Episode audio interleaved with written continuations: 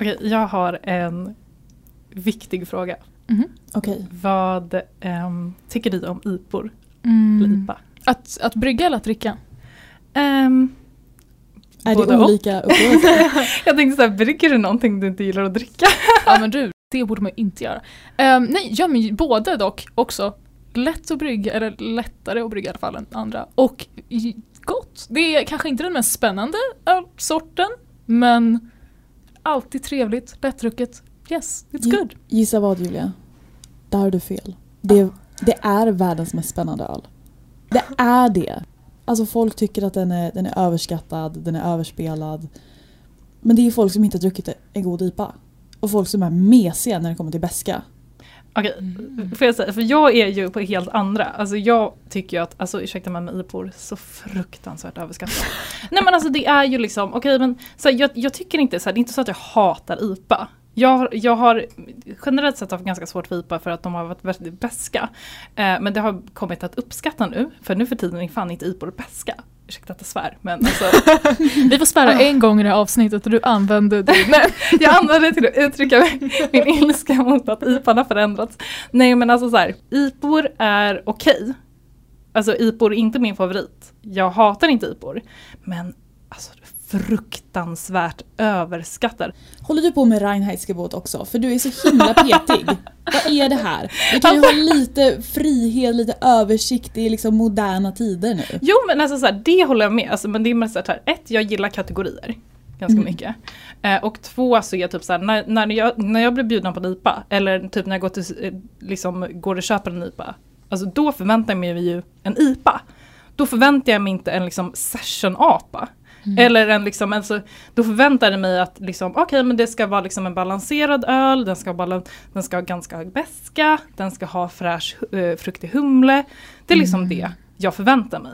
Man får inte vad man förväntar sig. Men du får, ju, du får ju ha andra förväntningar, du får ju vidga dina vyer. Ja men idag kan jag nypa vad fan som helst. Ja, och är inte det superspännande? Absolut inte. gång Jag vill går- veta vad jag ger mig på. Enda gång du går till baren och ber om en IPA så kan du få en helt annan upplevelse. An- du kan få en, en brittisk IPA med typ East Kent Golding som smakar gräsmatta den är så besk. Men du kan också få en så här riktigt, riktigt hazy, fruktig eh, New England IPA som är typ så här Golden Glock juice med kolsyra. Det är så mycket frukt. Det är ingen IPA. Det är visst en IPA.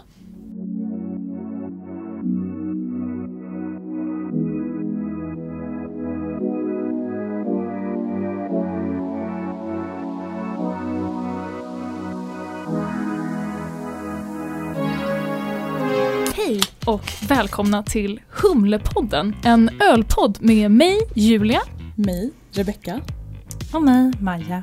Vi är alla hembryggare eh, och jobbar alla med öl. Vi jobbar på Humlegårdens ekolager där vi sitter idag och spelar in den här podden. Det här är egentligen ett projekt vi har funderat på ganska länge och vi började nog egentligen det här redan i mars när vi eh, bryggde för internationella kvinnodagen. I det avsnittet så pratade vi lite om hur vi började brygga men vi har väl i efterhand känt att de där 30 minuterna var lite korta så att dagens avsnitt kommer handla om hur vi började brygga och som ni säkert redan gissat kommer dagens ölstil vara IPA. Så Rebecca, hur började du brygga öl? Eh, jag behövde kika igenom lite bilder och så minnen på sociala medier för att hitta så konkret dokumentation för min första bryggning. Ehm, och jag tror att jag hittar rätt. Jag har kommit fram till att min första bryggning någonsin var inför sommarölsträffen 2019. Mhm.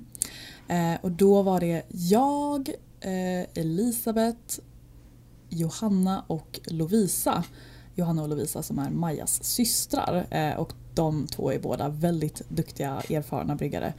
Ehm, och vi, vi fyra, vårt brygglag som man kan säga, eh, ställde upp med tre öl i eh, sommarölsträffen. En av dem var i specialklassen. Alltså typ så här diverse. Det var typ öl, cider, kombucha, ja, lite blandat. Ehm, och en av de här eh, bryggde vi hemma hos Lovisa, en hemma hos Johanna och den tredje minns jag faktiskt inte. Um, men men det, var, det som var så roligt var att kontrasterna mellan bryggningen hemma hos Lovisa och hemma hos Johanna var så otroligt stora. Um, Lovisa har bryggverk så vi bryggde liksom med hennes Grainfather G30. Eh, det var eh, super nice liksom typ sitta på soffan och så här, styra bryggningen från telefonen. Bara så här, kolla till den ibland. Liksom. Så här, väldigt lyxig första bryggning. Det som var mindre lyxigt var att jag fick krossa malten för hand. Alltså så här, sitta där och veva. Och sen så visade det sig att hon hade ju en skruvdragare. Men den fick ju inte jag använda såklart. Jag skulle läras från Ja, början. Men, men vadå, lät hon dig krossa malt med vev? Med mening? Alltså hon visste att hon kunde eh, koppla in den till liksom, borrmaskinen eller skruvdragaren och hon Ja. bara, nej men hon måste lära sig den hårda vägen för att krossa malt. Är du seriös? Jag har inte frågat henne men det här är mina misstankar alltså. Ja. Ja, rätt ska vara rätt. Hon är en bra bryggare. Det är... ja. Ehm, så, så det var liksom så här lyxbryggning. Eh, och sen så kom vi hem till Johanna eh, och där var det liksom kastrull. Eh, en hembyggd kylspiral. Som jag för övrigt har byggt. Alltså den är fin, det är liksom kopparrör. Alltså Mm, den är jättefin. vacker. Hantverk. Ja, verkligen. Mm. Så dissa inte Nej, kylspiralen. nej det absolut inte. hantverk. Det var bara en annorlunda upplevelse och det, ehm, också så här liggunderlag som värmeisolering. Isolering, Ja. Och sen fyra personer i Johannas långsmala lilla kök. Eh, det, det var lite trångt. Det var liksom lite så här för många kockar i soppan typ. Ehm, men, men öl blev det. Och du slapp krossa för hand. Ja. Ja. Tack och lov. Ehm, och det var så himla, himla mysigt. Alltså bara tjejer som dricker öl, snackar Mm. skit. Alltså det, det är ju alltid en, en hel dag. Men problemet är att jag kommer inte ihåg vad det var vi bryggde. Jag har liksom ingen dokumentation av det här, jag har inte recepten. Jag försökte kolla upp protokollen från sommarölsträffen. Eh, eller typ så här, kolla på bilder eller någonting. Mm. Eh, men verkligen, verkligen ingenting. Jag kommer ihåg en av dem. Eh, och det var en Radler. Och det var då den som vi ställde upp med i specialklassen. Eh, vårt tema var konstnärer. Mm, Så vi hade wow! konstnärstema på alla våra brygder. Eh, och den här Radlern hette Oh, nej, eh, oh my gosh. Som Vincent van Gogh. Men fantastiskt namn. Wow! Eller hur? Lite ordvits och sådär. Eh, och eh, en Radler är då en, en tysk cyklaröl. Mhm. Ehm, ja, tyska cyklister. Alltså, cyklaröl. Mhm. Alltså, okay, ja, du menar som cyklister alltså? Ja, cyklister. Det var ja, typ tyskar som är på cykelsemester och så vill de ta en bärs men de måste ju cykla sen så det, det ska vara lite, Ah. lite lättdrucken. Eh, och för att det består av en, en ljus lager Mm. blandat med citronläsk. Wow! Mm. Det låter jättegott. Det var jättegott. Eh, men grejen är, om du beställer den på en pub i Tyskland så är det väldigt sötsliskigt. Mm. Eh, och det ville vi komma ifrån lite. Så vi gjorde en California Common eh, lager. Mm. Och eh, sen så blandade vi det med sockerdricka och en hemgjord ekologisk citronsirap. Och så satt vi hemma hos Elisabeth och så mätte med pipett för att få rätt liksom, ratio så att det skulle bli liksom perfekt. Inte alls sliskigt eller ja, utan på vårt sätt. En vuxen radler nästan. Ehm, och eh, vi vann specialklassen Men wow! Eller Med- med- låter självklart men... med vår radler. Det kanske är därför det är den enda ölen jag kommer ihåg som vi hade på den här träffen för att den vann. Ehm, ja, och så en, en vinst är ju bra att börja med Mhm. i liksom bryggning. Så det var, Wow. kändes nästan naturligt att jag fortsatte, fortsatte brygga. Eh, jag skaffade Untapped, Mm. ett socialt medium för ölintresserade. Ehm, jag och Lovisa bryggde mer. Vi gjorde en glittrig grön öl till min halloweenfest. Nice. Eh, du ser skeptisk ut Maja. Ehm, ja, du blir mig. Alltså, en glittrig grön öl. Ja. Vad, vad var det för öl alltså, i grunden? Eh, en amerikansk pale ale. Mm. Okej, och hur fick ni den grön? Eh, blå karamellfärg. Mm. För de som kommer ihåg färglära från lågstadiet så blått och en gul öl blir ju grönt. Och ätbart glitter. Men wow, jag tycker det låter fantastiskt. Jag är Mm. såld. Men jag gillar sådana saker så att eh, jag ser... Ja. Nej, Maja fortsätter Ser se lite skeptisk ut. Ja, men man skulle inte säga någonting innan man har testat det. Men, Mm. mm. Blev den god? Så god. Men nice. Så, så god. Ja, och sen så gick jag på fler såna här ölträffar. Höstölträffen, vinterölträffen. Träffade så himla många coola, schyssta ölpersoner. Eh, och det, det är så lätt att här, sugas in i hembryggarvärlden tycker jag. Eh, för att alla är så givmilda. Och det är väl det är väl för att vi liksom inte får ta betalt för vår öl. Så då blir det, man måste ge bort den. Mm. Jaha, du menar givmilda så? Jag trodde du menade typ så här, ja men vi liksom delar med oss av recept och delar med oss av Nej, kunskap och tar med gemenskapen. Nej, det var bara givmilt, vi gillar att ge bort öl. Recept är väl det som jag har fått minst av. Det är lite som att berätta så här kantarellställen. Det Ja, är exakt, det hemliga etiska grejer. Det är dåligt ord. Men ja, det är. Ja. Och sen så här, hembryggning är ju ganska nischat ändå. Mm. Eh, så när man väl hittar en person som man kan snacka om förjäsbarhet med, då kommer man man kommer fastna Mm. med den personen. Eh, det liksom bildas ett band mellan en nörd till en annan. People who speak jäsning together stay together. Exakt. Ja. Så ja, det är två år senare, jag fortsätter brygga. Staying strong. Jag kommer ihåg v- etiketterna. De är jättefina Mm. för den hade liksom gjort etiketter. Jag kommer ihåg speciellt en som jag tror den hade gjort med, eh, jag tror att det var typ några gula blommor, solrosor tror jag. Mm, det var oh my god. Ja Of precis, alltså Ah. så fin var den. Ja, så fin. Elisabeth jobbar med grafisk design. Så vi så här, typ överlämnade det till henne. Eh, och eh, she delivered. Verkligen. Verkligen. Maja. Den mest erfarna och kloka av oss. Hur, hur hamnade du här? Hur blev du den visa människa i, inom bryggning? Berätta. Gud, jag tror aldrig någonsin blev kallad vis. Ah, Nu fick jag nästan lite ångest. Nej. Prestationsångest. Nej men ehm, eh, jag, eh, enklast är väl att säga att jag började jobba här på Humlegården. Ehm, det, alltså det, är svårt att inte testa eller börja brygga när alla liksom man spenderar dagarna med liksom pratar bryggning, eh, man har liksom ölprovningar efter jobbet, alltså det, allting handlar om öl. Så ehm, ja, men, det var ganska eh, svårt att inte testa. Eh, men så vad jag eh, gjorde var att jag bryggde mig första öl med min stora syster Johanna.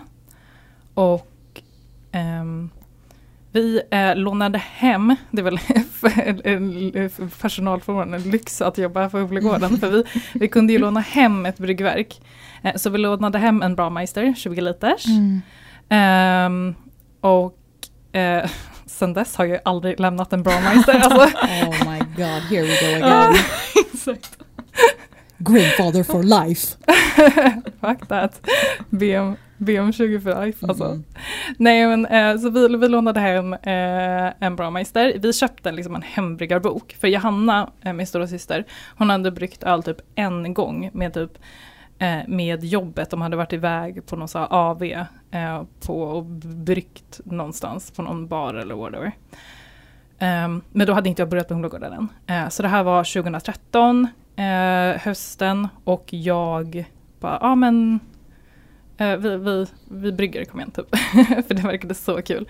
Eh, så vi köpte den här bryggarboken, eh, kollade upp ett recept eh, i boken. Ehm, och eh, här är key information, för här gjorde vi vårt största problem. Eh, att vi började tänka. Eh, och det var Ah. korkat.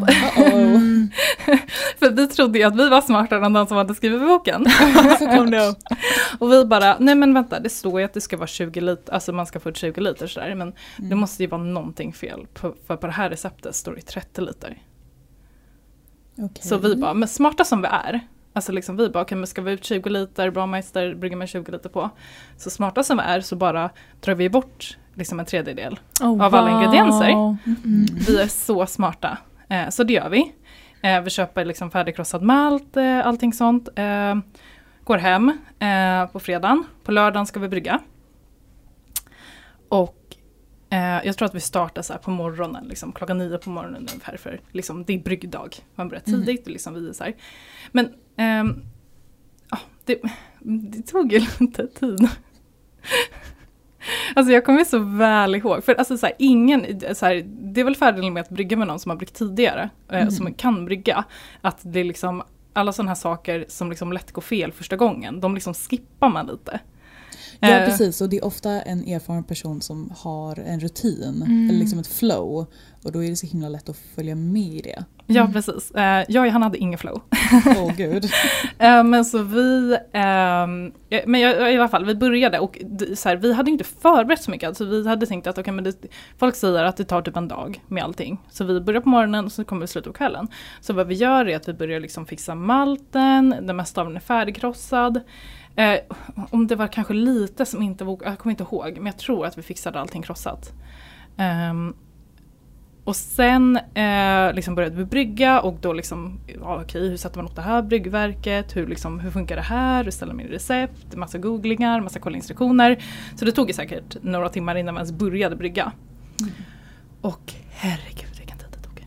Alltså, alltså jag tror att vi höll på, alltså hela bryggdagen liksom. För vi, vi visste inte heller hur man liksom rengjorde bryggverk. Alltså liksom, man fattade inte det här med att liksom, okej, men man kan ju rengöra pumpen bara genom att liksom sätta igång Exakt. bryggverket.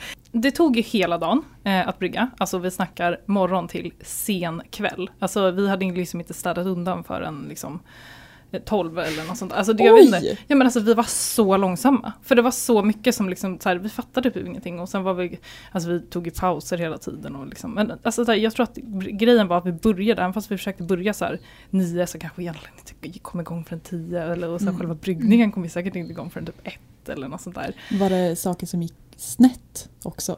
Ja alltså tre saker gick Åh. fel. Eller så här, eh, jo, men, eh, jo men i princip det var eh, tre saker som gick fel. Och en, en av de felen var ju liksom att vi, vi hade liksom inte Alltså, om vi hade smarta så hade vi förberett dagen innan. Alltså vi hade sett till så att liksom allting stod framme. Så att vi liksom hade allting som vi liksom hade koll på hade, skulle vi läst på lite.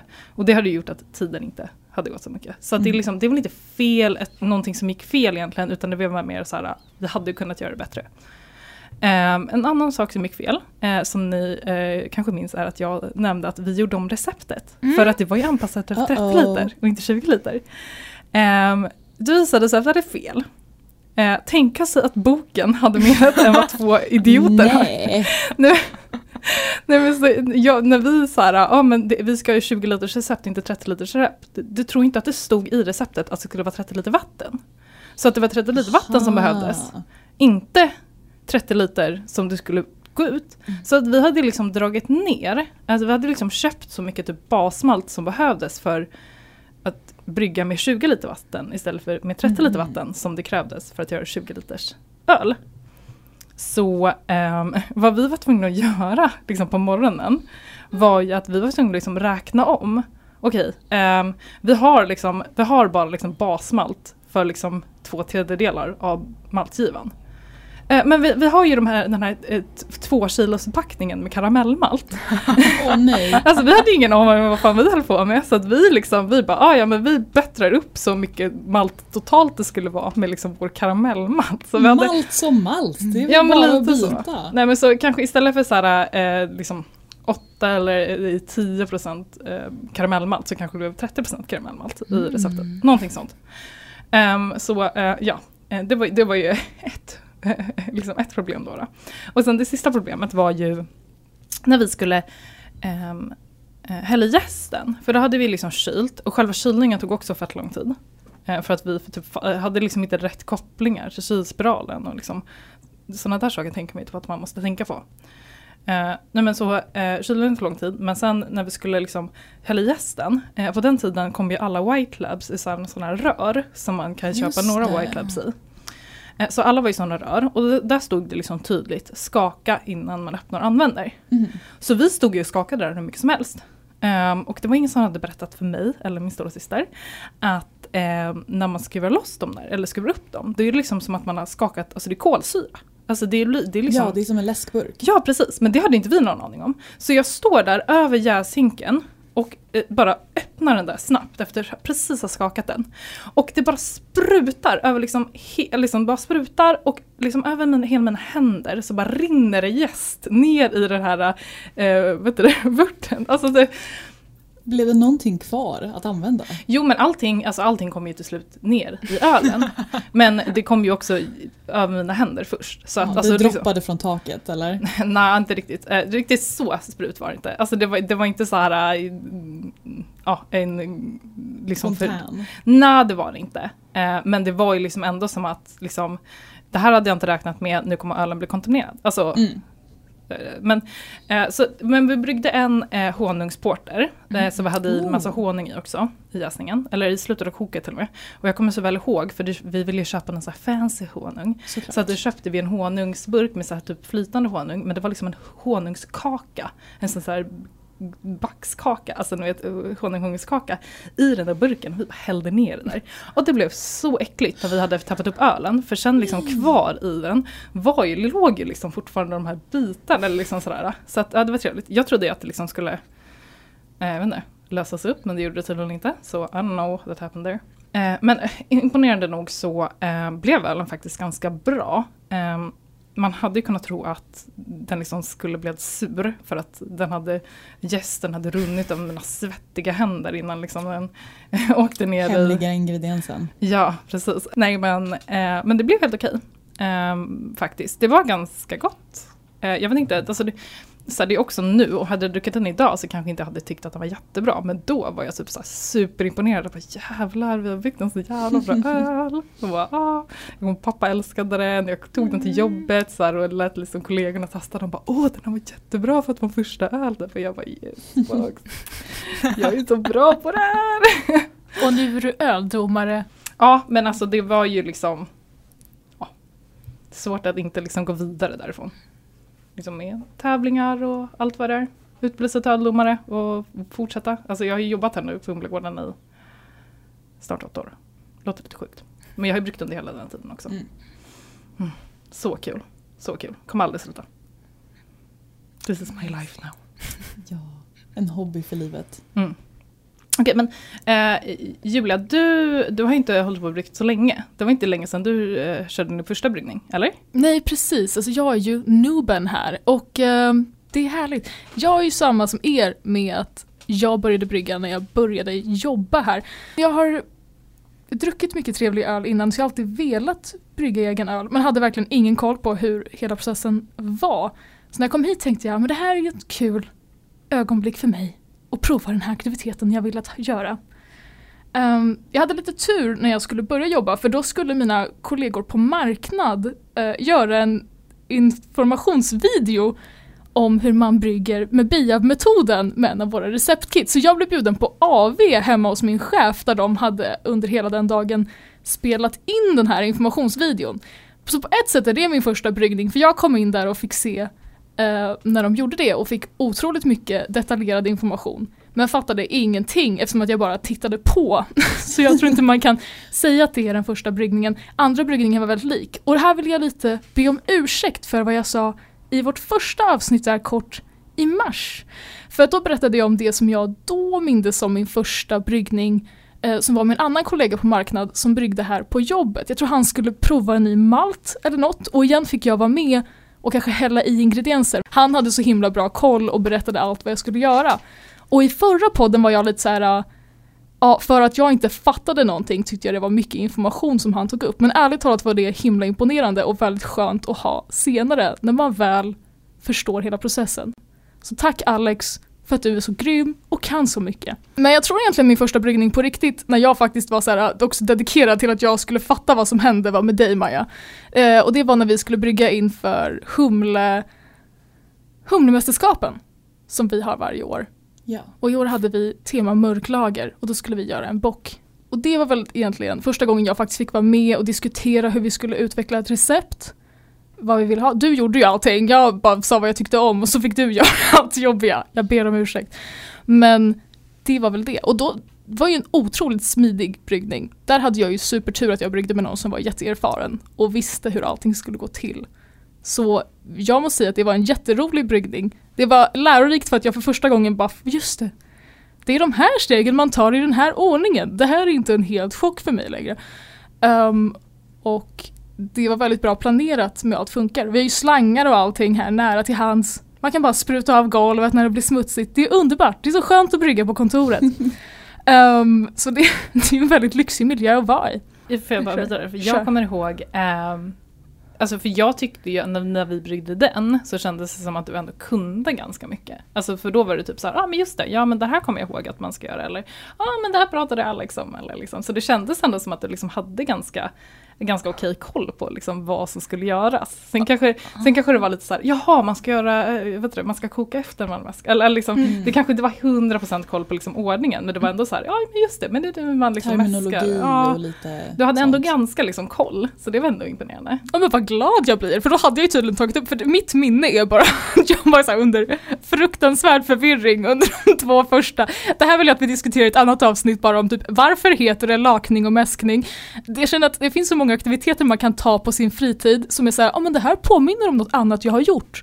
Och ölbryggning är väl lite, man kan ju ta den lite kanske elaka metaforen med att det är som att typ brygga avancerat kaffe det är du häller i en produkt och så kokar du en viss tid och sen får du liksom en underbar dryck.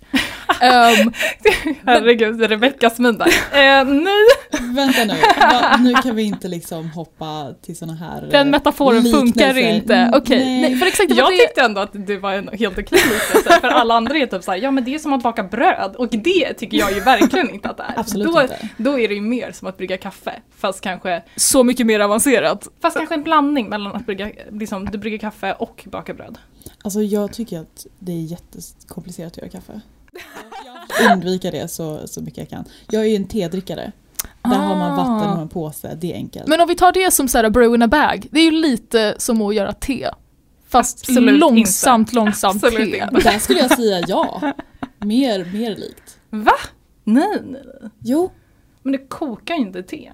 Du häller ju en tepåse i kokande vatten. Ja, men det, är en, li- det är en liknelse, inte exakt. exakt Okej okay, men ba- bara, för att du har, bara för att du har malten i, i en påse så blir det inte likt att liksom göra te. Let's agree to disagree. Okay, sensmoralen okay, av min berättelse är i alla fall att bryggning är ju verkligen en sån Ja, nu kunde vi hitta saker som är okej okay likt men fortfarande tydligt inte alls tillräckligt likt andra saker.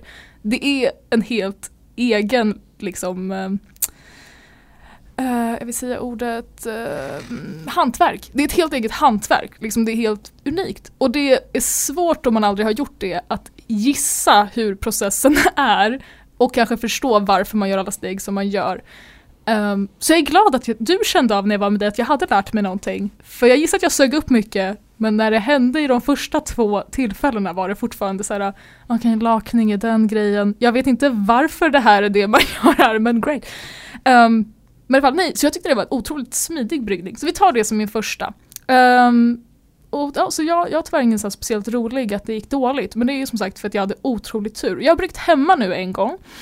Uh, och då körde vi också på en Browmeister, vilket var trevligt. Det gick också otroligt bra. Det som gick dåligt var kapsuleringen, när vi hade allt för att kapsulera och typ hade tvättat flaskor och grejer och kom på att vi inte hade en kapsulerare, typ klockan fyra på en söndag.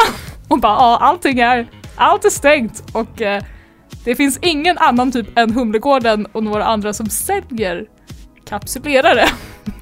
Mm. Vilket jag tycker är dåligt. Jag känner att mer mainstream-butiker bör sälja kapsulerare. Vi löste det i alla fall. Vi har en underbar kollega som faktiskt åkte hela vägen nästan till mig och lånade oss sin kapsulerare.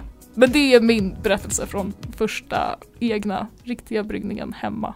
Det här rantade jag om när vi pratade i mars men jag älskar att ge den här smaken och det är så kul. Det är kul att brygga men det är roligare att ha ölen. Och det är roligare att ge bort den till någon och bara se hur glada folk blir. Så jag älskar den, den smakupplevelsen att ge den till någon. Och det är så kul med liksom hur mycket typ kemi och science det är. Som vi också upptäckte här nu i Majas berättelse om att det kan påverka ölen, vilken malt man häller i och vilken mängd av vilken malt. Uh, och det är ju superspännande att man kan ändra ölen så mycket med så många små saker. Det underbart. En sak ändå jag är imponerad av i vad du precis berättade var att eh, folk blir glada när det ger bort öl. Alltså så här, jag vet inte, alltså så här, det känns som att ni, alltså många av mina vänner nu har blivit så här trötta på att jag har med alltid typ så här, "Ja, jag har med en massa hembryggd öl, ställer in det liksom, det är stor fest, ställer in det, Mm. så bara alla får ta, liksom jag har ett fat så här, nej nej, ingen öl går åt. Okej, det är inte riktigt så, det går åt, men folk är typ så här, nej men jag tar hellre en typ Norrlands. Norrlands. Men, men tar du med dig alltså, nischad öl? Är det liksom en Märzen Nej. och en Krik? Eller är det... Okej, Märzen är väl ingen nischad öl, alla gillar Märzen. Alltså det är bara en lager. Du säger att alla gillar Märzen men du sa också nyss att dina vänner inte dricker din öl så jag vet inte. Vad är, san- vad är sanningen egentligen Maja? Okej, nej men det är, alltså, så här, ofta så tar jag med mig ganska basic öl. Alltså jag, alltså, jag gör ju ganska basic öl. Du är ju queen of lager. Det är väl basic? Alltså lager, Norrlands är ju lager. Ja, ja men jag menar att det är... Queen of basic öl. It's I like it, I like a good it. title. Jag, jag, Yeah. vill, jag vill ha den titeln. Men hörni, jag köpte ju en öl. Eh, vad tyckte ni om den? så himla god. Alltså det här var ju Aka IPA. Mm. Eh, eller AKA IPA kanske man säger. Eh, från bryggeriet Omaka. Eh, och jag antar att ni känner till namnet Spendrups. Mm, Kan ha hört. Nej, det, det, det, låter lite obekant. Alltså det här, det här är ju ett, ett bryggeri som har funnits sedan typ tidernas begynnelse. Mm. Nästan, alltså vi snackar minst 100 år. Ehm, och det började som ett litet bryggeri i Dalarna kanske, jag minns inte. Eh, och nu är det liksom en koncern med så många dotterbolag, bryggerier. Eh, och ett av dem är just Omaka. Eh, och det är dottern Hedda Spenderup som eh, ja, startade det här projektet för några år sedan. Och det har väldigt fort blivit så himla populärt. Omaka är ett bryggeri med bar och restaurang i centrala Stockholm. Ehm, och enligt dem själva så har de fokus på smak före stil. Ehm, och då kan man ju diskutera lite vad, vad det innebär. Eh, och Maja med sin eh, förkärlek för kategorier och stilenlighet. Eh, och i deras restaurang så har de bröl, brunchöl Mm. Eh, och lite roliga så här, avsmakningsmenyer där det är matchande öler som ja, ska passa bra ihop med maten. Eh, och i baren så kan du ta dig en kallsup. Det är då en öl eh, som heter kallsup. Eh, de har också andra goda öler som heter Mamma, Peppar Peppar eh, eller Afrodite. Alltså mitt favoritnamn av alla. Vad är det för öl? Afrodite? Eh, på Systembolaget så stod det annan öl. Eh, så Det, det, låter lite hemligt dock. Mhm. Varför kan man inte bara kalla alla sådana här konstiga IPA eh, wannabes för he- hemlig öl? Eller liksom annan öl istället för IPAR eller IPOR. Eh, och har man inte vägarna förbi centrala Stockholm så har de som sagt en del godsaker på systemet. Den var ju jättegod, den här ölen. A.k.a. IPA. Eh, första intryck var den hade en färg av bränt guld. Mm. Ursäkta? Jag läste det i en bok nyligen och det var någon som beskrev personens hår som bränt guld. Och det tyckte jag var pretentiöst och det vill jag också använda. Gyllengul var den. Eh, jättefin, stabil skumkrona. Väldigt subtil citrusdoft. Eh, också stort plus att de har ingredienserna på förpackningen. Love that. Det tycker jag alltid får det att se lite proffsigare ut. För jag kan tänka mig att folk som inte kan saker om ölbryggning är så här. "Pff, Vad är mosaik för någonting? Men vi som är de här nördarna och ser att ah, de har haft eh, karamellmalt Mm. och eh, mandarin Bavaria. Mm. Gud vad häftigt. F- för de som är intresserade, eh, kornmalt, pilsner, eh, Münchner, Carra 10, Humle, Mandarina Bavaria, Hercules, eh, Huel Mm. Och Jäst US 05.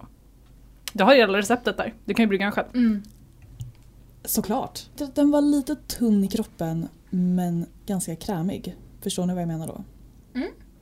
Jo. Jag, sk- jag skulle beskriva den som välbalanserad faktiskt. För Jag- tyckte att den var väldigt trevlig. Och då kom jag också in på eran IPA.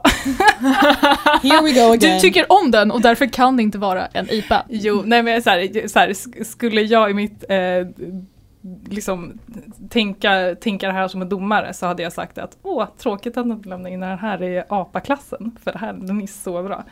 Eh, men den var, den var verkligen jättegod. Eh, jag, Ja. jag förväntar mig liksom bara, när jag, återigen, när jag dricker IPA så förväntar jag mig lite mer beska. Lite, liksom, lite mer krut i den. Den här var så god, den var så eh, balanserad, den hade liksom perfekta liksom, balanser mellan den. Liksom lite, lite karamellighet liksom så. Och den här fruktiga humlen. Och den luktade liksom när man öppnade den. Så också. gott. Mm. Alltså det luktade verkligen gott så här. Men liksom, men den hade inte det här krutet som jag förväntar mig som Nej, det har. var väldigt mesig beska. Mm. Tyckte jag. Precis, och vet du vad man kallar en sån öl? Säg det En. Säg, apa. nej, nej, nej, nej. Ehm, och sen, jag vill bara slå ett slag för burken återigen. Åh, den är så fin. Etiketten har varmkorvar på sig. Men vänta, sa du inte att de hade skrivit, eh, vad heter det, smak före stil? Eller Eh, något ja. sånt där.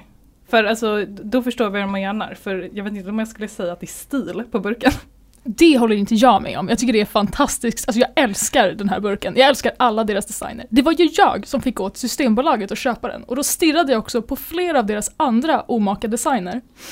De är så snygga. Och jag älskar den här. Jag står fast vid att den här med korv på är en av de genialaste valen i hela världen. För att det också finns en liten backstory på varför det är korv. Vill du ta det Rebecca? Eller får jag köra min rant om den här jävla currywursten som är poängen med bilden. Ja, det är då currywurst, eh, vilket jag tror är Berlins stadsrätt eller någonting. Eh, så, och det, det står en liten story här på tyska. Eh, så Was ist denn los? Das ist ein Bier mit amerikanischer Hefe und deutscher Hopfen. Dieses Bier mit einer Currywurst. Mann oh Mann, wie lecker! Eh, jag har inte pluggat ett ord tyska. Perfect pronunciation. Tack så mycket. You nailed it. Eh, och eh, currywurst är då korv med ketchup och currypulver. Det som man har eh, käkat på Smöf eh, om man har gått på den festivalen som nu inte är en festival längre i alla dess år. Står alltid en vagn eh, där man kan köpa currywurst. Mm. När jag var i Berlin så finkammade jag hela stan för att hitta en vegansk currywurst. Och det var, det var ju inte gott. Det var inte det. Alltså, det, Men det är ju precis vad man förväntar sig. Ja, men Alltså det, det är ju en korv med curry. Alltså det, liksom, jag menar, det hade blivit så hypat att det, det här är det tyskarna äter om de ja, har glömt att köpa lunch. mm. Då, om jag går och tar en currywurst. Jag också, det var inte alls vad jag förväntade mig, för jag trodde att det innebar att det var curry i korven. Det vad jag i my brain Mm. alltid har trott. Och sen när jag häromdagen nu när jag pratade om det med en kompis så var det så här: nej nej, det är bara curry i ketchupen och kanske lite på korven och på pommesen. Och jag är så här, "Ja, men hur är det här en grej? För det är ju som att vi skulle bara, ja Stockholms rätt, det är att vi häller peppar i ketchupen på McDonalds. Välkommen, det här är vad ni vill ha. I'm underwhelmed. Och jag Och- trodde mer om det här. Det värsta är ju att i många fall så är det inte ens curry i ketchupen utan det är bara på ketchupen. Att du blir serverad en varmkorv med ketchup och så är det någon som typ spiller lite krydda. Alltså det här är bakfyllemat skulle jag säga. Ja, men det, det, alltså det goda i det är ju, eller alltså det goda är inte korven med curryn. Det goda är ju pommesen man får till med lite curry på. Beställ en pommestallrik. Mm. Ja, men med curry på. Nej. Och det, liksom, det får mig när man, alltså så här, jag har ju aldrig kö, köpt en riktig currywurst. För Mm. att jag inte äter korv. Mm. Så, Du har bara fått pommesen med curry på. och med lite Nice. surkål. Så Men det, det är väldigt eh, intressant att en så specifik maträtt är det de parar ihop den här ölen med. Ehm, och- Ja, det är inte ens en tysk stil. Skillnad om det faktiskt hade varit liksom en pilsner. mm. Då kan jag se att det kan funka, eftersom att det är en så himla fin... eh, Jag tyckte också om den här IPan. Jag tyckte det var en jättegod IPA och verkligen som ni sa, alltså doften när man öppnar den är helt fantastisk. Den lilla humliga, underbara doften. Men jag tycker den var väldigt maltig i smaken, även om den var väldigt lätt. Um, vilket är det jag tror att ni har beskrivit väldigt fint här innan. Den här fin honungssmak. Det var en väldigt bra måltidsöl. Exakt, och jag tror något med curry, en stark rätt till, För exakt, jag hade villfarelsen här att det var en mycket starkare rätt. Uh, innan jag fick sen reda på att det bara var lite ketchup uh, med curry. Men jag kan tänka mig att den är god. Till starkare mat. Tror Ja, att det kan funka. jag, jag drack ju inte den här till en currywurst. Eh, Mm. Jag hade potatisgratäng. Den passade bra till det också. Mm, mm. Jag drack ju den efter vi hade grillat. Vi satt ute Mm. igår och liksom och i kvällssolen, det var för varmt för att göra någonting annat. Eh, fast vi gjorde annat. Jag höll på att typ flytta och bara möbler. Eh, men det, det var jätteskönt att liksom pausa och ta den här ölen. För den var så god. Alltså, den var, Mm. man, alltså man uppskattar den verkligen då. Alltså, Mm. Man var törstig, man tog en kall öl, den är liksom supergod. Man bara, det var precis det jag ville ha. Och är inte det så underbart när den fina utsidan på burken Mm. speglar innehållet. Eh, och det är faktiskt Heddas bror Axel eh, som jobbar med grafisk design som ansvarar för deras, deras look och deras etiketter. Du är så duktig, jag älskar din stil. Alla burkar är så snygga. Er logga är också fantastisk. Eller hur? Så snygg. Och jag fick den underbara äran att eh, snacka lite med Hedda eh, om eh, hennes bryggeri, hennes karriär som bryggmästare. Eh, så här lät det. Ring, ring, ring! Hej, det är Hedda. Hej Hedda, det är Rebecka. Hej, Hej, hur är läget? hur är läget? Det är bra, själv. Det är bara bra. Ehm, jo men, nu är det så här att jag och mina kollegor har ju eh, smakat lite öl från er. Eh, och nu är jag, ja, nu är jag så himla nyfiken på, på hela, hela bryggeriet, alltså Omaka. Vad, vad är storyn? Hur, hur blev det just Omaka? In, inte bara namnet Omaka, men eh, varför blev det just hela allt. bryggeri? Ja, precis. Berätta. Du, det är en väldigt bra fråga. Jag eh, pluggade i Tyskland till eh, Certified Brewmaster som det heter.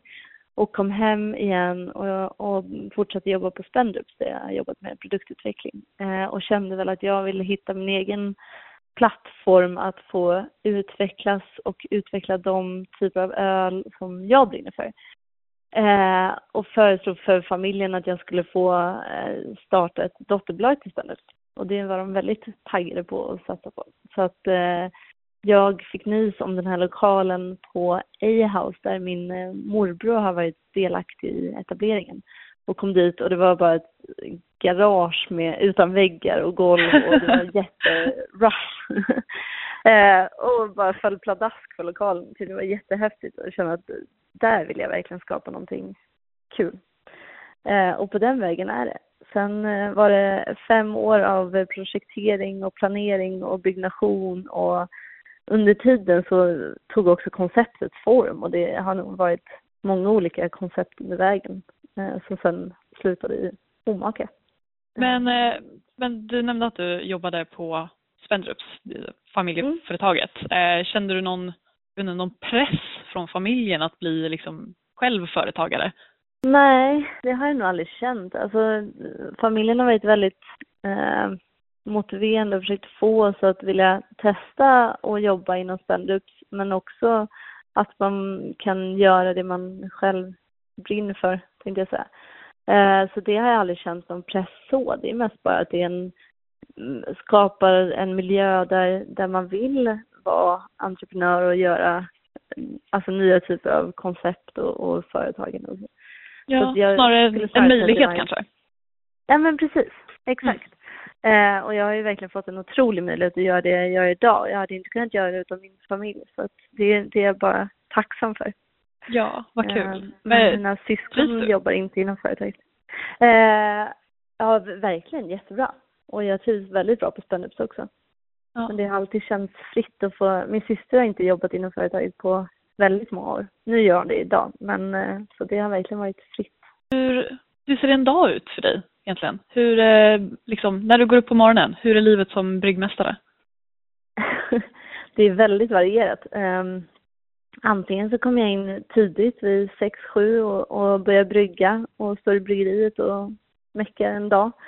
Eller så kommer jag in senare vid 9 och gör lite kontorsjobb eller så har jag olika möten eller så Ja, det, den blir aldrig som jag har tänkt mig för jag har alltid tänkt en, så här, en plan att nu ska jag göra det här idag och nu ska jag få det här gjort och sen så är det alltid någon leverantör som ringer eller någon beställning som inte har kommit fram eller någon eh, produkt som är slut som man måste panikbrygga eller ändra om planeringen eller så. Så att det är aldrig riktigt som man tänker sig att dagen ska se ut. Och sen så på kvällarna så har vi ju en restaurang som är öppen också. Eh, så ibland kan det bli någonting där, att man ska hoppa in och göra någon visning eller, eller så. Så det blir långa det dagar? varierat. Det har varit långa dagar. Jag har försökt verkligen att trappa ner på dem för att jag mådde inte så bra när jag jobbade för långa dagar. Nej, det, det jag är en lärdom också, att hitta en balans Mm. i det. Ja, verkligen. Speciellt när det är, när det är så nytt. Liksom. Då vill man Ja. också kanske göra allting men så får man inse att jag kan inte göra allting. Nej men precis, exakt. Eh, och det tror jag är nyttigt att lära sig så man inte går in i väggen. Då kommer man inte Verkligen. mycket till nytta. Ja, och då skulle vi inte få något mer omaka. Och så kan vi inte ha det. Nej, verkligen inte. Men, eh, Vilka har men ni provat då? vi har eh, prövat a.k.a. IPA som jag gissar att det uttalas. Ja. Ehm, Du är typ den första som säger rätt. ja, men jag tänkte Aka-IPA, det, det rullar inte av tungan lika bra. Eh, jag tyckte att det var jättegod. Eh, jättebra måltidsöl. Ja. Eh, och det gissar jag att det kanske hör ihop med eh, den här korven som är på etiketten. Att det är liksom, om man ska äta det med varmkorv kanske. Eller en eh, ja, currywurst. Ja, jag åt det med potatisgratäng men det var ändå väldigt gott. Härligt. Det hade väl lite det som tanken att det skulle vara lite som en eh, lite ersättning till ett rödvin av något slag. Mm. Men du, jag är supernyfiken. Um, vad kommer härnäst? Vad, efter semestern, vad, vad är planen för Omaka? Eh, vi, eh, nu under sommaren så har vi faktiskt gjort lite nya öl så att det kommer upp lite nyheter på menyn. Eh, och så har vi ett jätteroligt samarbete med ett ciderhus som heter Brutes som vi ska släppa under hösten. Som, eh, där vi har gjort en öl-cider-hybrid kan man säga. Eh, Okej. Ja, så det ska bli jättespännande.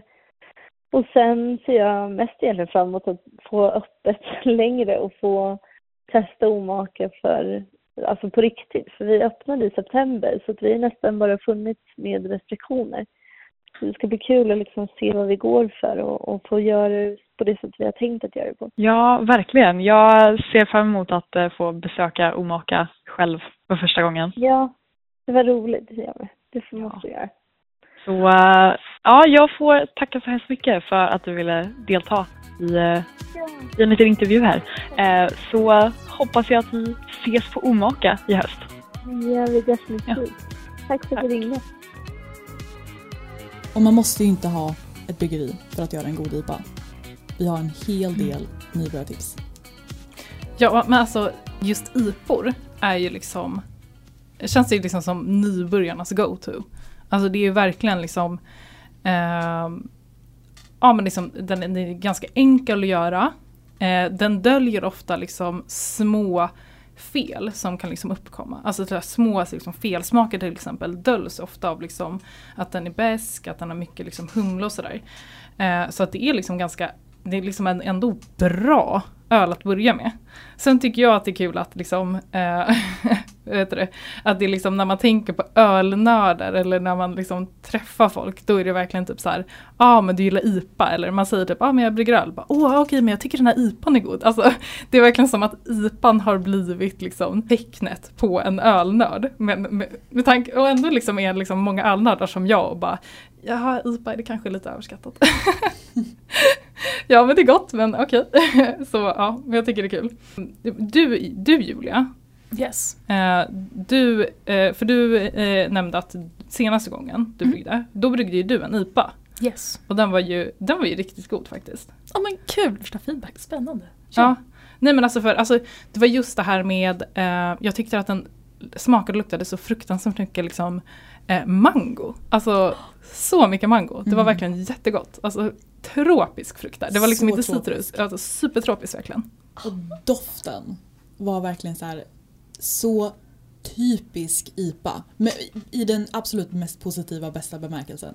Det var så här typisk beska men också lite fruktigt och, och bara härligt.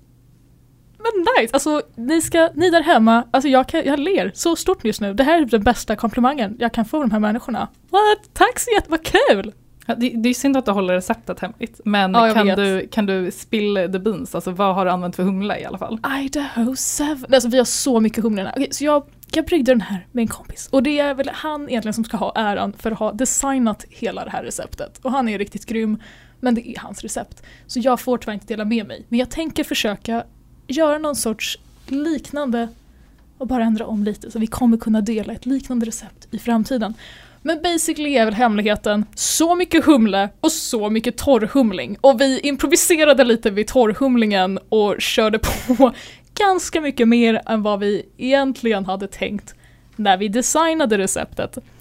Um, men jag tror hemligheten där är min favorit, humle, som jag älskar över alla andra humlesorter. Och det är Idaho 7. Och den är sådär superfruktig, jätte, så exotiska frukter, jag tror den är om man läser på vår hemsida är typ beskrivningen ja men exotiska frukter, mycket citrus men också så här ananas, mango. Nej, nu hittar jag bara på saker så det kanske inte... Um, och sen citra har vi i, och sen har vi tr- tre andra humlesorter också. Vi körde så många olika humlesorter. Uh, men jag tror vi torrhumlade mest med Idaho 7 och sen uh, citra. Och jag älskar de exotiska smakerna och fruktigheten man får. Och den blir också den här bra beskan. Eh, jag gav den här till min mamma som är min största kritiker när det kommer till öl. Eh, hon var inte jätteimponerad. Eh, hon tycker den är för besk. Men, Ja men då är det väl en bra IPA? Ja men precis, jag känner nu är det jävligt bra feedback faktiskt. Jag gjorde en IPA nyligen. Eh, och det var lite så här kylskåpsrens vad jag hade för, i, alltså inte mat, jag har humlen i kylskåpet alltså. Eh, jag hade liksom lite små slattpåsar, eh, 20 gram här, 25 gram där. Eh, så jag tänkte jag, gör en bra bas, pilsnermalt, karamellmalt. Eh, och jag tror jag hade i kanske 300-400 gram humle. Eh, så här, sista, sista typ två minuterna. Ehm, det var för länge. Ah. Och sen torrhumlade jag med en hel påse Kryopop. Spännande. Den här typ, det är en blend. Ehm, och den blev så besk. Alltså humlebränna. Du, man kan lika gärna bränna sig på, på varmt vatten. Alltså det, det var så för mycket. Och jag blev jätteledsen. Det var massa dyr humle där i och jag har 19 liter på fat. Men när- när, var det här? Alltså, var det så direkt när du tappade upp den och du kände det eller? Ja. Okej men det kommer att lägga sig. Alltså, så här, jag tycker alltid att eh, öl smakar bäskare liksom precis efter eh, man har kylt den och sen precis efter man har tappat den. Alltså bara efter en vecka så brukar den liksom lugna ner sig ganska mycket och Okej. bli balanserad. Så jag skulle väl inte ge upp på den riktigt än. Åh vad bra, jag har inte hällt ut den än. För det här kanske ger mig hopp. Ja, för jag är så taggad på kryopoppen. Uh, för jag fick för mig att jag beställde två påsar av den, men det hade jag tydligen inte och nu tror jag den är slut och jag är så ledsen. Så eh, om, jag smakar jättegärna den, hur som helst, bara för att se om jag kan uppleva lite av den här kryopop-blenden. När vi packade om eh, till 100 grams påsar på lagret. Eh, alltså det har aldrig doftat så gott på hela lagret. Det var verkligen ja, men typ stenfrukt. är det jag tänker på. Fruktig stenfrukt. Fanta- Alltså den är ju så cool. Om den funkar så bra som de säger med den här olika när man torrhumlar och hur man torrhumlar och hur man humlar i allmänhet och att det kan bli så många olika smaker. Det låter så kul! Well. Ah, ja, men jag får försöka med en annan kryo. Mm. Jag har ju några tips. Ehm, även fast jag inte brygger jättemycket IPA så händer det ändå ibland att jag brygger IPA. Um, och ehm, Alltså mitt, mitt absolut största tips när man brygger IPA för att kanske undvika det du var inne på Rebecka. Um, för man vill ju ha en besk öl. Men man vill ju fortfarande ha mycket humlesmak och mycket arom. Så ehm, lite beroende på hur besk man vill ha IPAn och hur mycket pengar man vill lägga ner på sin IPA. För det är också det, IPA är ändå ganska, alltså bör nästan vara en dyr Mhm. öl för att du ska ha mycket humle. Humle är ju dyrt. Ehm, men så mitt tips är ju att när du väl gör IPA, spendera pengar. När jag gör liksom, nästan all humle, humlig öl, eh, kanske om jag skulle göra en dubbel-IPA, då kanske jag liksom inte skulle följa det här tipset. Men annars skippar jag alltid Victorivan. Har i all humle från eh, liksom typ 15 minuter neråt. Bara kör kontinuerligt liksom, eh, från 15 minuter liksom, för att få liksom, bygga upp bäskan därifrån. För det blir fortfarande bäska när man har i humle från Mm. eh, typ 15 minuter, 10 minuter, 5 minuter. Eh, du får bara i tillräckligt mycket. Det här kommer jag ihåg att du berättade för mig när jag skulle göra typ mitt första eller mitt andra recept. Mm. Och jag satt och hade typ så här 14 humlegivor från 60 minuter ner till 5 minuter och du bara gör det lätt för dig själv. Ja, men tre, jag brukar, min go-to är ju liksom en 15 minuters skiva, en 10 minuters skiva, en 5 minuters skiva och sen bara shitload i, i Mm. liksom flame out. Alltså Ja. det är ju, men för att så här, poängen är ju att du vill ha så mycket liksom, du får alltså så mycket beska när du ändå eh, tillsätter humle i liksom eh, kvart, tio minuter eller något sånt där. Så att jag förstår inte varför man liksom ska ha en besk, liksom bittergiva också. När du dessutom kan få ut liksom smak från humlen. Exakt, det Men- behövs inte. Ja, men det gör jag med mycket mer humle. Alltså ska du få upp, få upp den till liksom 70 IBU säger vi. Då behöver du ju ändå en hel del mycket mer och du ska lägga, köra IBUn från 15 minuter än om du gör från 60 Mm. minuter. Eh, men så det är verkligen mitt go-to-tips alltså. Skippa bitgivan. Kör direkt på liksom aroma och smak. Kör typ från 15 minuter eller beroende på hur mycket eh, humle du vill göra av med och ehm, ja, hur besk du vill ha den. Och sen är mitt tips är också att vill du göra en väldigt besk IPA, alltså snåla inte på eh, liksom karamellmalten. Ehm, det, det kanske låter lite sådär men eh, jag upplever att vissa kör, eh, ibland så kan jag dricka liksom en väldigt, väldigt, väldigt besk IPA. Och de, väl, de liksom bästa beska IPorna, de är det de som har en del liksom lite mörkare karamellmalter. Mm. Um, alltså det, kanske är speciellt när vi går upp och liksom pratar om liksom, eh, dubbellipor och sånt där. Eh, när man verkligen pangar på med bäskan. Men det är få öl som inte har liksom en bra eh, liksom, karamellmaltsbas som liksom funkar liksom att vara så bitter. Du måste ändå ha liksom någon form av balans mellan liksom det bittra och liksom karamelliga och maltbasen. Um, så liksom en, ska du göra en IPA på liksom eh, 6% med liksom en IBU på liksom 60 eller något sånt där. Då, då kanske det inte är riktigt lika viktigt att ha massa liksom mörka karamellmalter. Då kan du göra en ganska ljus. Alltså bara köra typ karapils som karamellmalt och sen liksom bara smalt. Ingen aning om att malten faktiskt spelar roll alltså i, i den här benämningen. Jo men alltså det skulle jag verkligen säga. Ehm, men just för att det, alltså hur ölen upplevs, alltså hur liksom välbalanserad den är. För annars så är drycken väldigt, liksom en öl som inte har någon komplex maltighet, liksom, den kan vara trevlig och ha god maltighet ändå. Men att den inte blir liksom så komplex, den blir inte så stöttande, den upplevs inte liksom på något sätt karamellig. Och sen kommer det boom, jättemycket beska. Mm. Vissa gillar det. Men jag upplever det som att de som är väldigt beska de behöver den här lite mörkare karamellmalten för att liksom vara balanserade. Okej. Mm. För mitt standardrecept är typ Pale Ale malt, eh, vetemalt och kanske en skvätt melanoidinmalt. Alltså det märks ju att du är från den nya, nya generationens bryggare. För alltså så här, även för att vi typ är nästan lika gamla eh, så eh, hade jag aldrig i ett standard IPA-recept haft i vetemalt. Det här är inte, jag, men jag, jag älskar ju klaröl. Jag vill ju att New ska England IPA. Nej men det är ingen IPA. Du har fel. Okej, men det här är ju en perfekt segway in i min fråga. För allt det här förvirrar mig.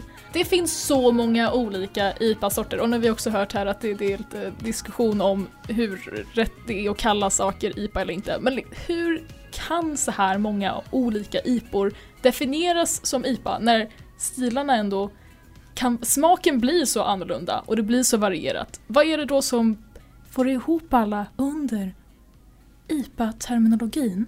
Och sen vad tusan är skillnaden på alla de här IPorna och vad definierar liksom, men vi behöver kanske inte ta alla 750 som finns, men de liksom vanligaste, hur vet jag att det är en NIPA eller en West Coast IPA eller en, om vi kan dra in en APA, vad blir skillnaden?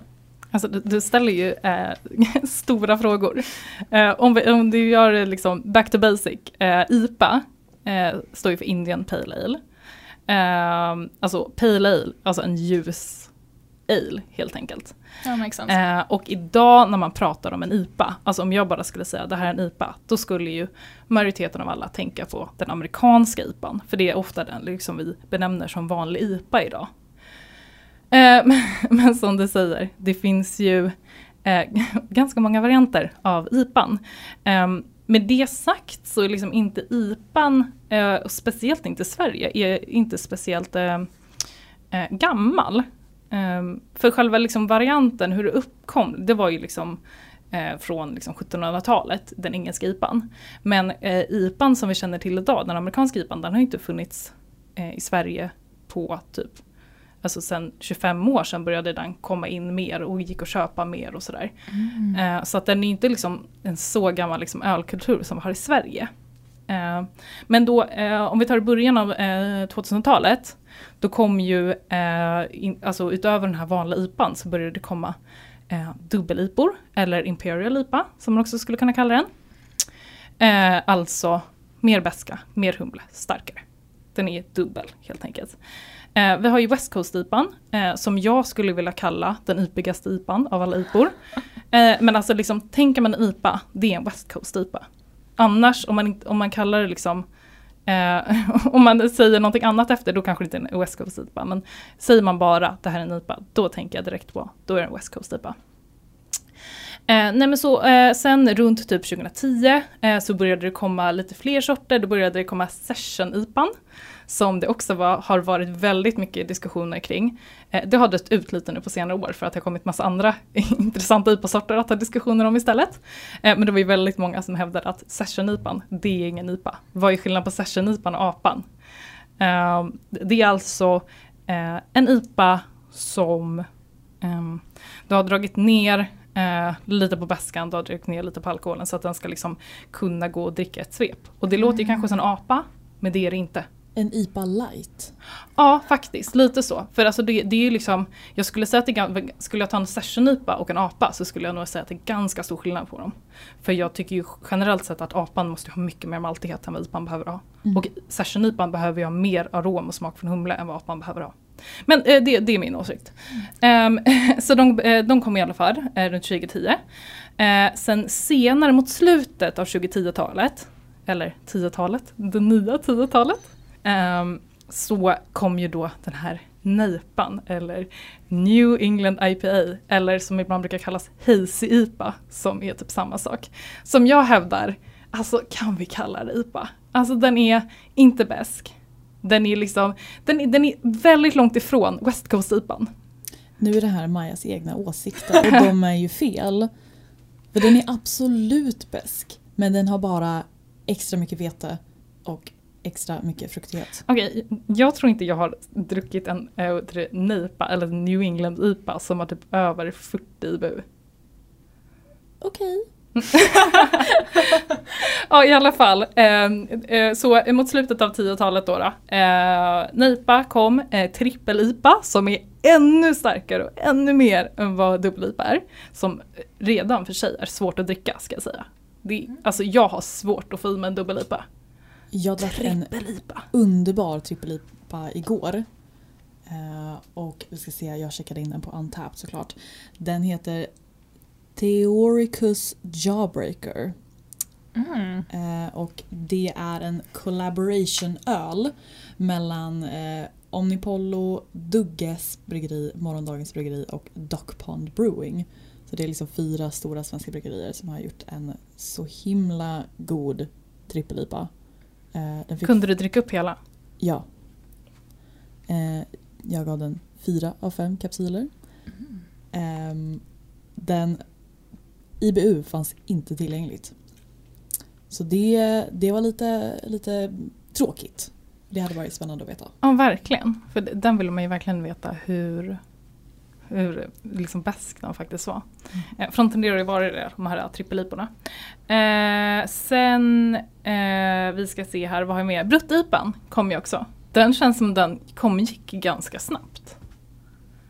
Vad är det här? Jag har aldrig hört talas om det. Ehm, det är väl typ såhär uh, champagne-IPA. Eller liksom, man, man, kall, man började kalla den liksom ölets champagne. Ja. Även fast eh, jag vet inte om jag höll med. Det tycker jag snarare går vi in på liksom lambic eller något sånt där. Det kanske är liksom lite mer ölets champagne eller någonting annat belgiskt. Men Poängen var ju att det skulle vara en helt, motsatt. helt och hållet utjäst, alltså snustorr. Ehm, och den skulle vara ganska lagom besk eh, och väldigt väl kolsyrad. Så liksom, Jag skulle kalla den ganska mycket Wow. motsatsen till nejpan som kom typ samtidigt. Alltså det, Ja. det, det är verkligen två helt övriga. Mhm. Ena har, ska nästan ha ingen kropp, alltså den ska vara väldigt väldigt lätt. Andra ska ha jättemycket kropp. Så att det var verkligen eh, skillnad.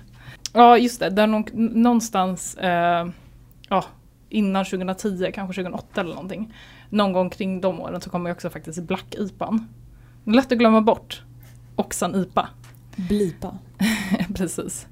Ehm, ja, så att eh, här är vi någonstans idag. Jag har, jag har några nämnvärda varianter som jag, jag satt och googlade lite på, okej men vilka olika sorters IPA finns det? Alltså för det här är ju typ de som jag kände till liksom, som man brukar kalla IPA.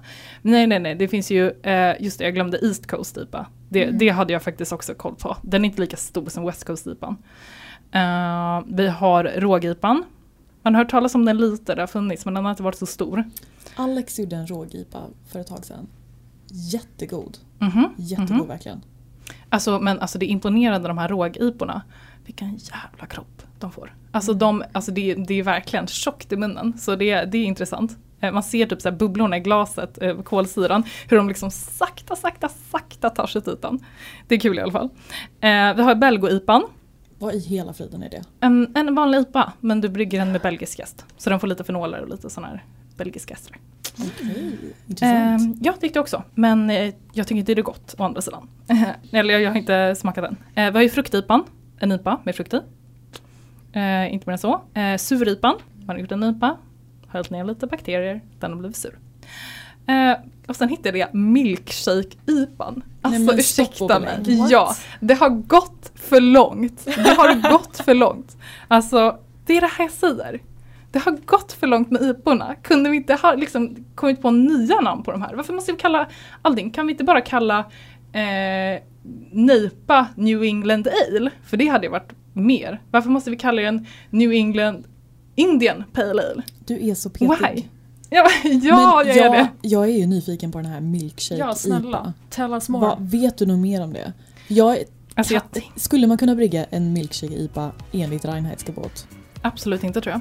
Alltså så här, eller så här, jag, jag, jag läste inte på så mycket för jag typ såg namnet och var såhär, jo. Men jag kan tänka mig att det är typ en IPA som man kanske har gillar massa laktos i eller något sånt där. Mm. För jag har, jag har sett någon gång att det var något som, någon som har kallat sin öl eh, cream-IPA eller något sånt där. Eller typ så här milk-IPA eller mjölk-IPA eller något sånt där. Det låter ju inte gott. Nej det gör det inte. Men, men vissa hembryggare envisas med att ha laktos i sina öl. Det, det kan vi spara till ett annat avsnitt. Min, Ja. min hate på laktos i öl. Ja, där är vi faktiskt på samma sida för en gångs skull. Imponerande. Ja, Alltså det här är ju superspännande. Nu nämnde ju du precis vad IPA står för, vilket jag tror de flesta vet, men vi kan köra i alla fall. Att det är Indian Pale Ale. Och det här är ju en av de ölfakta som jag har koll på och det är mitt partytrick när jag är på fester med folk som inte är intresserade av öl. Och det är It never fails to impress. Eh, vilket är att jag vet hur IPAn kom till. Eh, för det fick jag lära mig på den där första AWn när jag fick ett litet ölprov av min chef och alla mina kollegor. Eh, och fick även då lära mig att IPAn, eller the Indian Pale Ale, eh, kommer ifrån att man ville frakta öl till Indien. Så engelsmän, i assume, um, bryggde öl och det behövde överleva den långa, läskiga um, ja, men, flytten, båtseglingen över till Indien. Och det tog ju x antal veckor at the time. Um, och därför så behövde man ja, men en öl som höll hela den vägen. Vilket innebär att den behöver ha ganska bra konserverings... Um, vara bra konserverad. Så därför är det en väldigt humlig öl, för att humle hjälper till med konserveringen. Eh, och även att det är hög alkohol. Vilket I assume då är vad en ur-IPA ska vara. Eh, hög, lagom hög alkohol och humlig. Maketh sense. Men sen har ju vi diskuterat det här lite senare och frågan är, är det här bara en skröna? Eller är det korrekt? Eh, jag, jag har ju faktiskt gjort en djupdykning i det här. Ehm, för alltså, det finns ju jättemånga, eh, liksom, eller det finns en hel del olika myter om liksom, var IPAn kommer ifrån. Det, råder inga tvekan om. Eh, och eh, historien som du nyss eh, tog upp, den är liksom den allra vanligaste. Eh, men väldigt många säger att det faktiskt är en myt. Eh, en del säger att liksom, den här ölen fanns långt, långt innan eh, den kom till Indien, bara utan ett annat namn. En del säger att ja, men, eh, liksom det vi kallar IPA idag tog sig aldrig ens till Indien.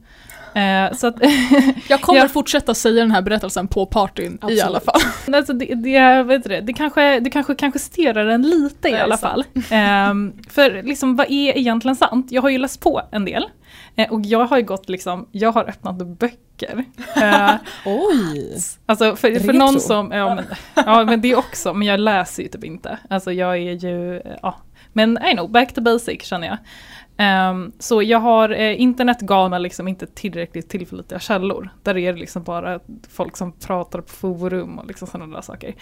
Um, så med hjälp av bland annat eh, Garrett Oliver och massa andra författare har jag kommit fram till följande.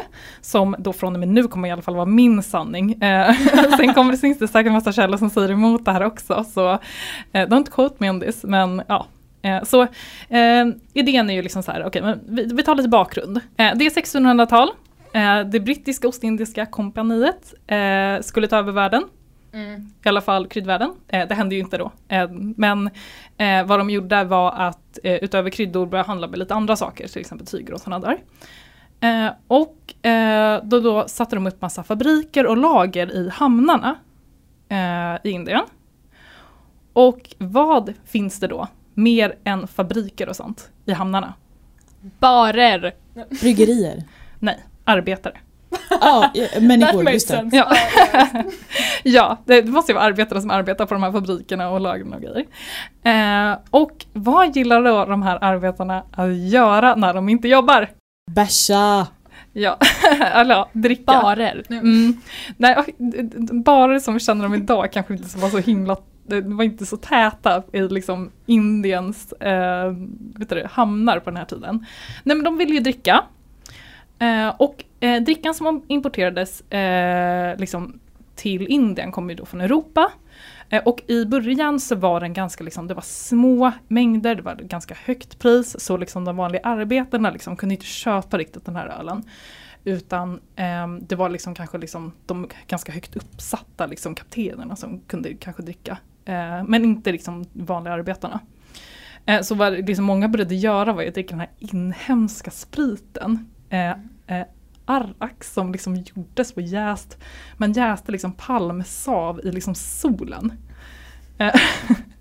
Ja och alltså grejen var så här, det här började bli ett problem för att det var så många som dog Oj! av att dricka. Jag, vet inte, jag förstår inte riktigt, för jag, jag vet inte riktigt om det finns några källor på det här, för jag försökt söka. Och jag är osäker på om de drack för mycket, alltså det var varmt och de bara hinkade i sig för mycket Mhm. stark alkohol. Eller om det liksom var typ giftigt det här för att det var så osäkert sätt det var gjort på. Men många dog. Det var liksom så medelåld- eller så medelåldern eller medeltiden någon överle- överlevde i Indien var liksom tre år på den här tiden. Oj!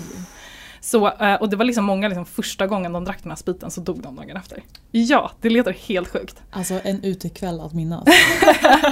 Ja, eller inte minnas då. då. Ehm, nej men i alla fall, eh, så eh, men ganska mycket, man har liksom hittat dokument från den här tiden och ganska mycket tyder på att det var, det var, inte, det var ändå en del som liksom fraktades till Indien på den här tiden.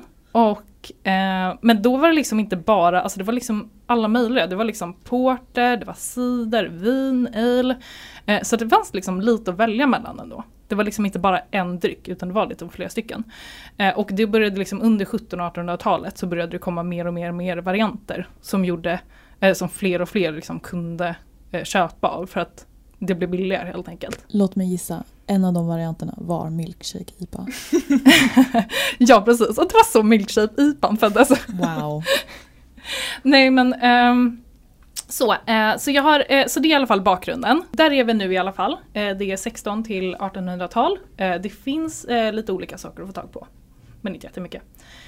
Ehm, och eh, jag tänker börja med liksom historien hur liksom den starka beska ölen eh, tog sig till Indien. Eh, för på eh, typ 1700-talet eh, då började liksom Pale Ale bli eh, lite liksom vanligare i eh, Storbritannien. Och då började liksom skeppas till, Storbritannien, eller till Indien helt enkelt från Storbritannien. Så tidigt som man alltså hittat, liksom 1716 har man hittat dokumentation på liksom att den här fanns liksom att beställa eller köpa av de som Oj. bodde där. Mm, wow. Ja. Eh, men också att tänka på, den här pale alen, det är inte liksom dagens apa. Eh, på den här tiden eh, så kunde liksom nästan vad som helst vara pale ale. Så länge den var liksom lite ljusare än det som fanns innan, som var ganska mörkt. Är det inte en stout så är det en pale ale.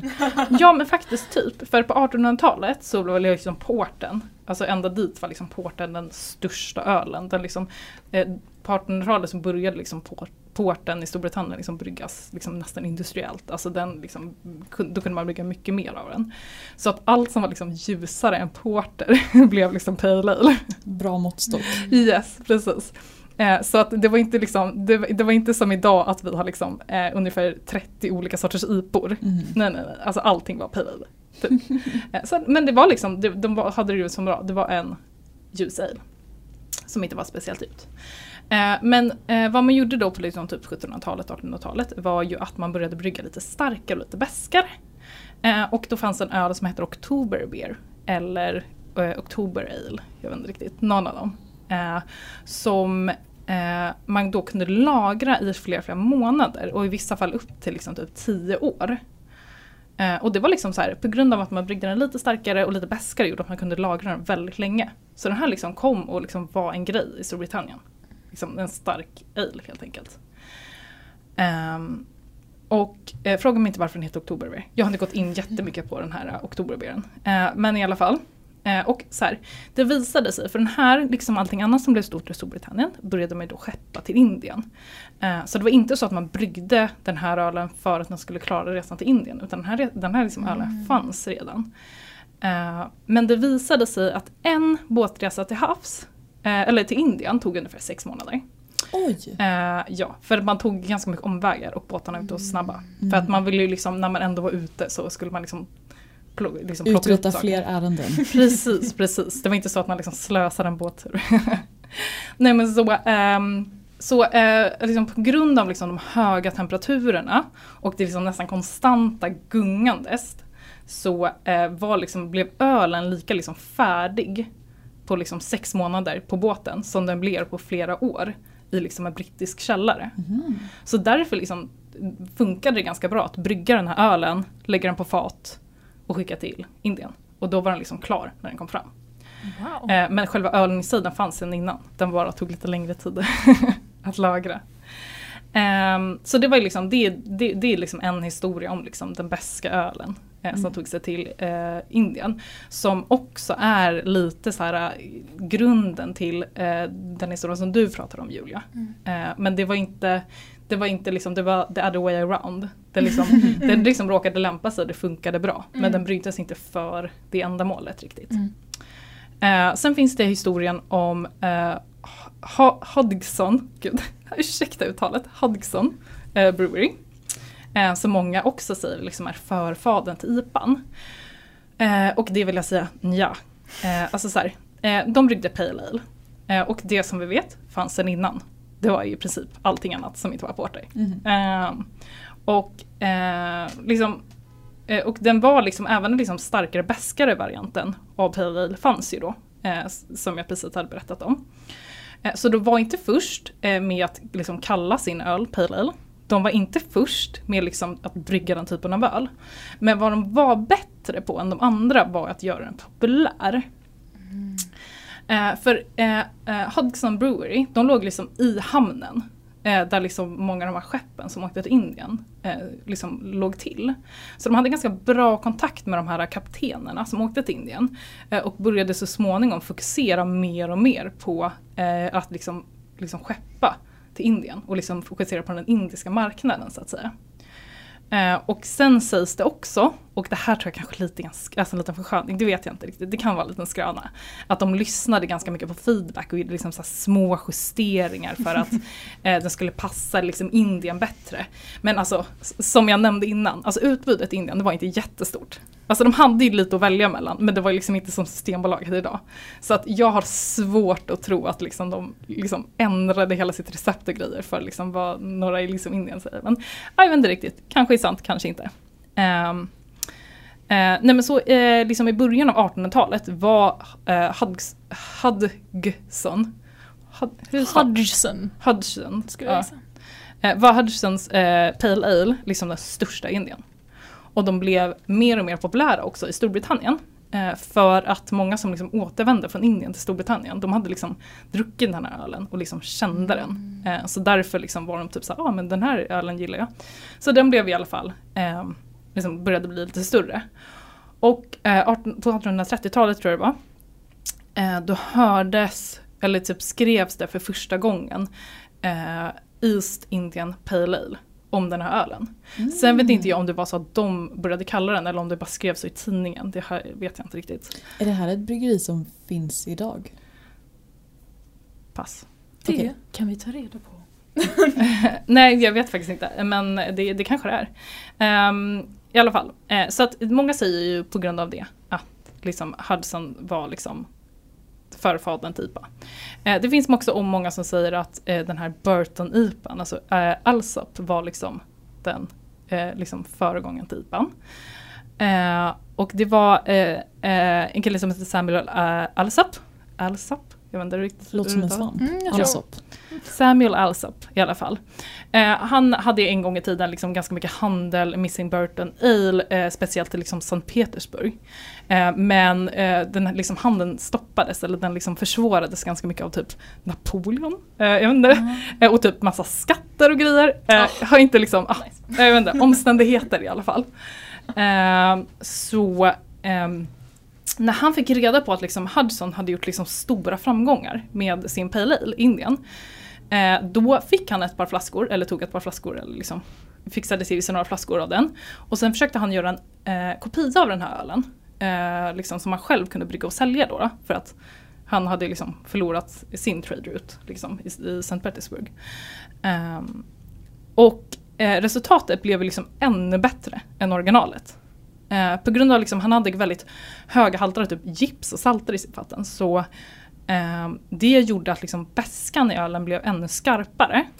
Och att eh, ölen blev liksom ljusare och blankare. Och här börjar man liksom se lite mer av den IPan liksom vi känner liksom till och har idag. Den här lite ljusare, blankare. Inte nipan. Okej, okay, alltså ja. Eh, men så han gjorde, liksom ett, han, gjorde det liksom bättre än originalet på grund av sitt vatten. Eh, men han blev ju också väldigt snabbt utkonkurrerad. Eh, för att andra bryggerier gjorde ju precis som han. Och liksom kopierade hans öl istället.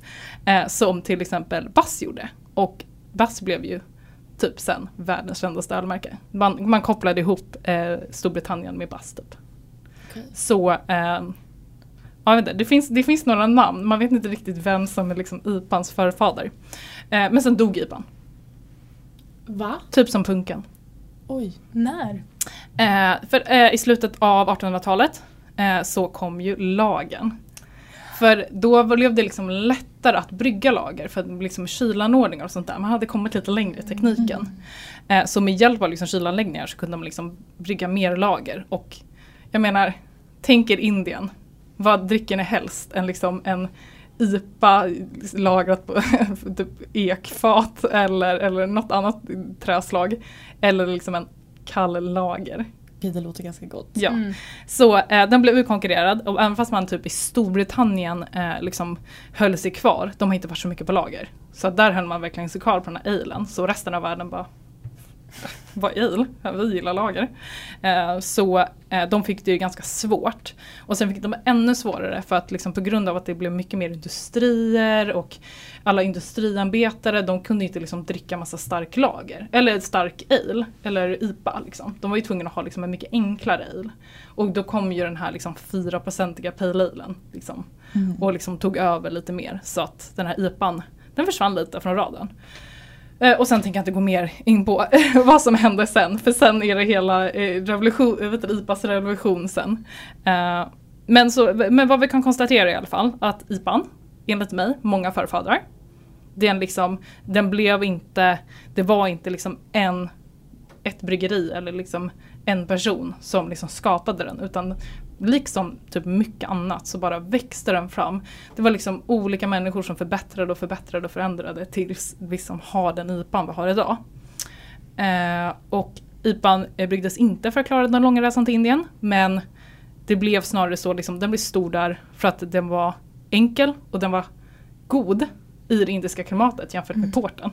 Mm. alltså, ja. Eh, så att det var liksom, eh, det funkade ganska bra där med IPA. Eh, och IPAn på den här tiden kallades ju inte IPA utan den, den kallades bara Pale Ale. Mm. Mm. Den fick IPA-namnet långt, långt senare. Och vad vi, en sista sak vi kan konstatera är ju att eh, IPAn idag är ju blott en skugga av den starka, mörka, bitande beska och fatlagrade ölen som man drack i Indien en gång i tiden. Wow, vilken research du har gjort. Ja, yeah. Alltså, good job. Så himla häftigt att få dels få bukt på en, en myt men också att lära sig någonting som liksom inte ens fanns på internet. Alltså den fanns nog på internet, jag bara litade inte på den. okay. Jag litar bara på böcker. Ja, bra. Smart tänkt. Det är vad jag sa där tidigare. Uh, vi skrapar min gamla, mitt gamla partytryck. Det här är mitt nya partytryck. Jag ska faktiskt börja referera till det här. Det är så mycket coolare. Plus det där med palm... Sav? Palmsav-sprit. Arrak. Arrak. Mums. Amazing. Vill man dö så?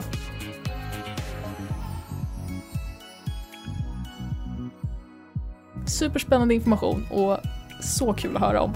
Vi ser fram emot att prata mycket mer om både andra ölstilar, kanske återkomma till det här. Det är ett stort ämne, det är spännande.